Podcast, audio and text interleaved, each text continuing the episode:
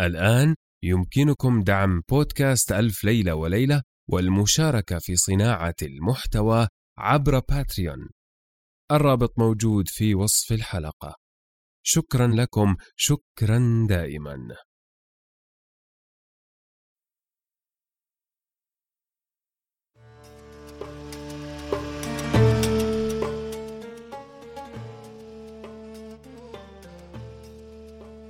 كان يا مكان في قديم الزمان وسالف العصر والأوان ملك يدعى شهريار يحب الاستماع إلى قصص الإنس والجان. وكانت جاريته شهرزاد تقص عليه في كل ليلة قصة. هذا بودكاست ألف ليلة وليلة الموسم الثالث.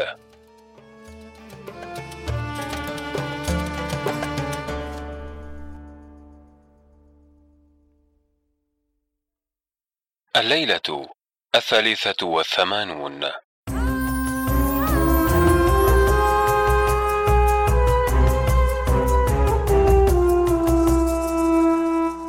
حكاية الملك عمر النعمان مع ولديه شركان وضوء المكان.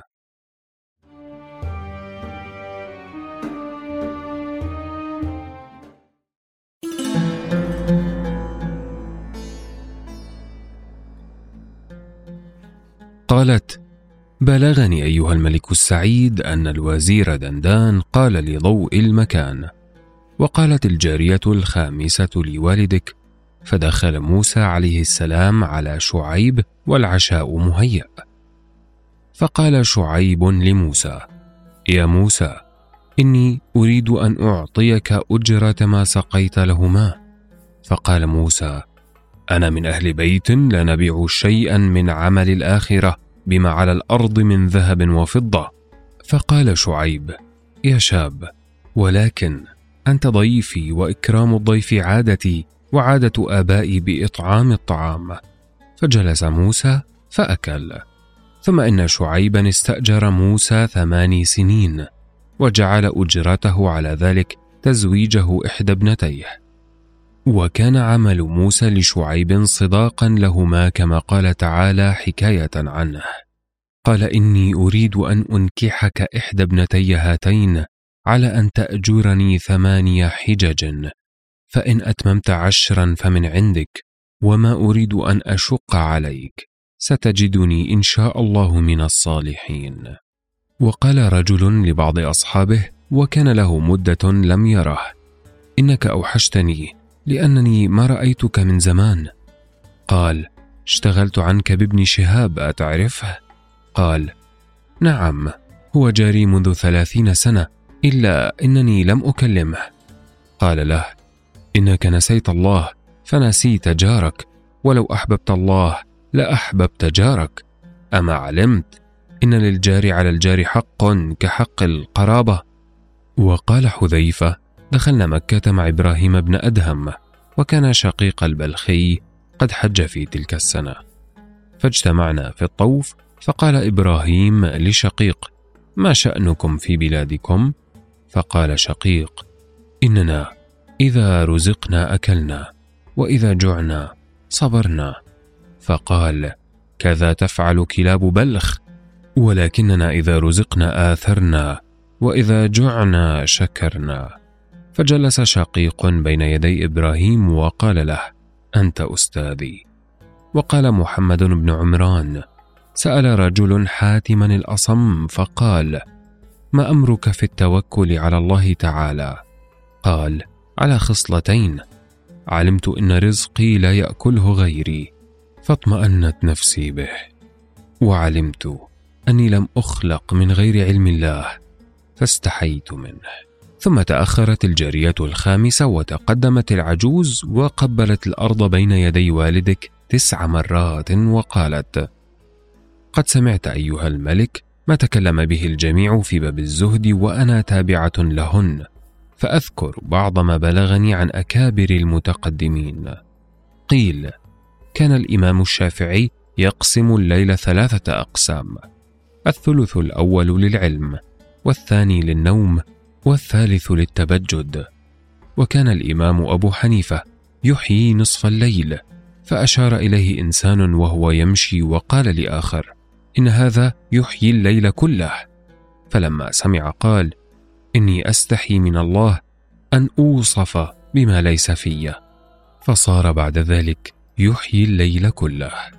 وقال الربيع كان الشافعي يختم القرآن في شهر رمضان سبعين مرة. كل ذلك في الصلاة. وقال الشافعي رضي الله عنه ما شبعت من خبز الشعير عشر سنين لأن الشبع يقسي القلب ويزيل الفطنة ويجلب النوم ويضعف صاحبه عن القيام.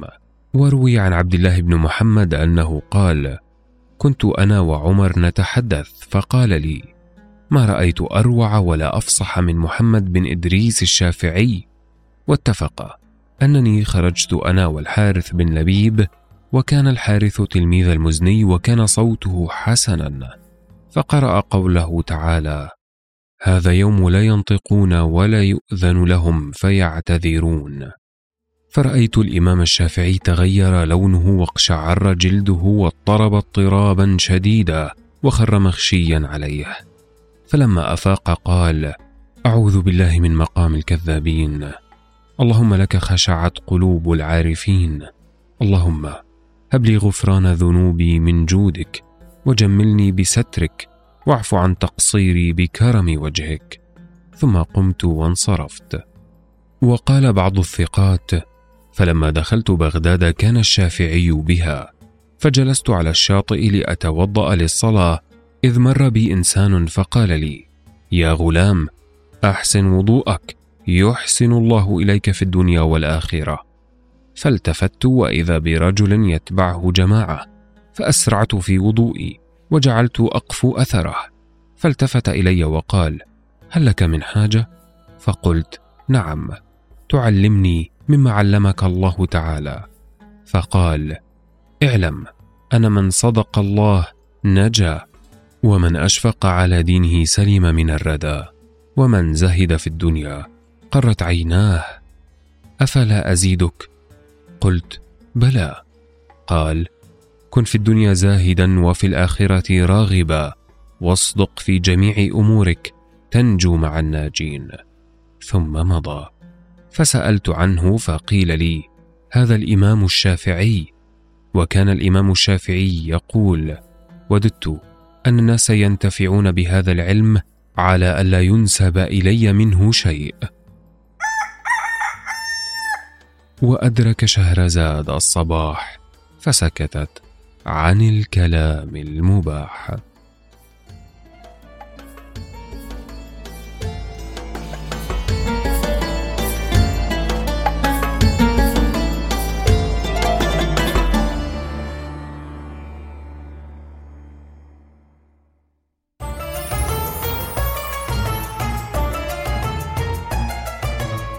أنا نزار الحمود. معكم في قراءة الليالي.